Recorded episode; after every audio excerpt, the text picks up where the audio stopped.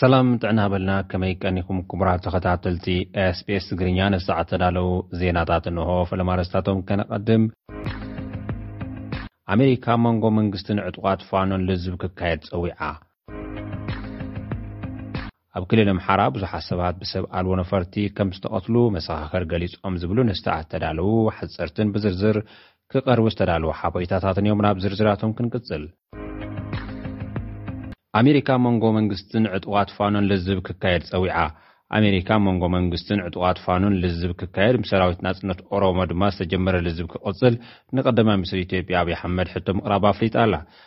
እቲ ጻውዒት ትማሊ ኣብቲ ብሚኒስትሪ ጉዳይ ወጻኢ ኣሜሪካ ጠረጴዛ ኣፍሪካ ዘዳለዎ ናይ ማንዛ ጋዜጣዊ ርክብ እዩ ቀሪቡ ዘሎ። እቲ ጋዜጣዊ መግለጺ ንምትፍንናን ኢትዮጵያን ሶማልን እናበኣሰ ዝኸይድ ዘሎ ስእነት ምርጋዕ ዲሞክራሲያዊት ሪፓብሊክ ኮንጎን ጉዳይ ሱዳንን ከምዝዘተየ እውን ኣብሪሁ ኣሎ።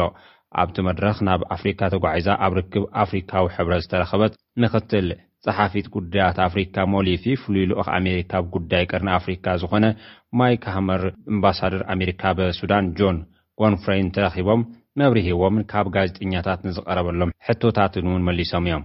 ኣብቲ መብርሂ ኣሜሪካ ነቲ ኣብ መንጎ መንግስትን ሰራዊት ናጽነት ኦሮሞን ዝተጀመረ ልዝብ ንምቕጻል ኩነታት ክተመዓራሪ ድልውቲ ምዃና ፍሉይ ልኡኽ ኣሜሪካ ኣብ ቀርኒ ኣፍሪካ ኣምባሳደር ማይክ ሃመር ተዛሪቡ ኣሎ።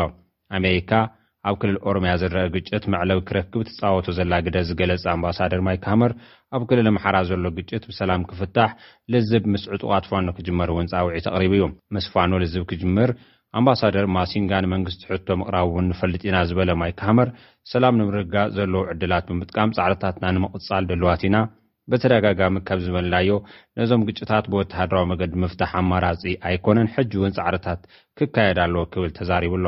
ምክትል ጸሓፊት ጉዳያት ኣፍሪካ ሞሊፊ፣ ምስ ቀደመ ሚስሪ ኢትዮጵያ ኣብይ ኣሕመድ ኣብ ዝነበረ ልዝብ ሕቶ ልዝብ ሰላምን ምልዓላን እወንታዊ ምላሽ ምርካባን እውን ሓቢራ እያ። ኣብ መብርሂኣ፣ ኢትዮጵያ ኣብዚ ሕዚ እዋን ኣብ ክልላት ኦሮሚያን ኣምሓራን ዘጋጥምዋ ዘለዉ ፈተናታት ብሰላም ንምፍታሕ ድልውቲ ምዃና እቲ ቀደመ ሚስር ምርግጋጹ ዝገለጸት ሞሊፊ፣ ነዚ ድልውነት ብምሕያል፣ ዕጡቓት ዝፍጽምዎ መጥቃዕቲ ኣብ ልዕሊ ሓይልታት ጸጥታ ዘጋጥም ስጉምቲ ከም ዘተሓሳስብ ኣራዲኣ። ኩነታት ጸጥታ ፈታኒ ምዃኑ ንምኽባር መሰል ሲቪልያን ተወሳኺ ጻዕርታት ከም ዝድል'ውን ገሊጻ'ላ። ኣብቲ ትማሊ ዝተዋህበ መግለጺ፣ መንግስቲ ኢትዮጵያ ንልዝብ ድሉው ምዃኑ እንተገለጸ'ውን፣ መዓዝን ብኸመይን ዝብሉ ዝርዝር ጉዳያት ግን ካብ መንግስቲ ኢትዮጵያ ኮነ ካብቶም ናብ ኣሜሪካ ገይሾም ዘለዉ ዲፕሎማሰኛታት ኣይተነጸረን። ብካልእ ሓበሬታ ኣብ ክልል ኣምሓራ ዞባ ሰሜን ሸዋ ኣብ ወረዳ ሞጃን ወደራን ብዝተፈጸመ መጥቃዕቲ ሰብ ኣልቦ ነፈርቲ ብዙሓት ሰባት ከምዝተቐትሉ ተሓቢሩ ኣሎ።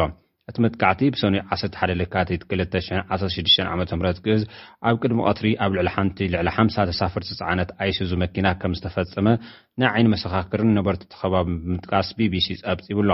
ንድሕነነቶም ስሞም ከይግለጽ ዝሓተቱ ምንጭታት ከም ዝሓበርዎ እታ ካብ ሰላ ድንጋይ ዝተብሃለ ርእሰ ከተማ እታ ወረዳ ዝተበገሰት መኪና ኣብ ፈላ መገንጠያ ዝተብሃለ ከባቢ ምስ በጽሐት እዩ እቲ መጥቃዕቲ ኣጋጢሙ ተባሂሉ። እቲ መጥቃዕቲ እታ መኪና ተሳፈርቲ ኣብ እተራግፈሉ ዝነበረት እዋን ከም ዝተፈጸመ ሓደ ናይ ዓይኒ ምስክር፣ እቶም ሰባት ናብ ጽምብል ክርስትና ይኸይዱ ከም ዝነበሩን ካብኣቶም ዓሰርተ ሽዱሽተ ናይ ቀረባ ኣዝማድ ከም ዝተቐትሉን ሓቢሩ ኣሎ። ዝፈልጦም ስድራይ ዝዀኑ ልዕሊ ዓሰርተ ሽዱሽተ ሰባት መይቶም ብምባል ቍጽሪ ዝሞቱ ክሳብ ሰላሳ ከም ዝበጽሕ እውን ገሊጹ እዩ። ሓደ ዘመድ እቲ ኣብ ሕቝፎ ኣባሓጎኡ ከም ዝነበረ ዝተገልጸ ዝተጠመቐ ቈልዓ ብዘይዝዀነ ጕድኣት ከም ዝደሓነን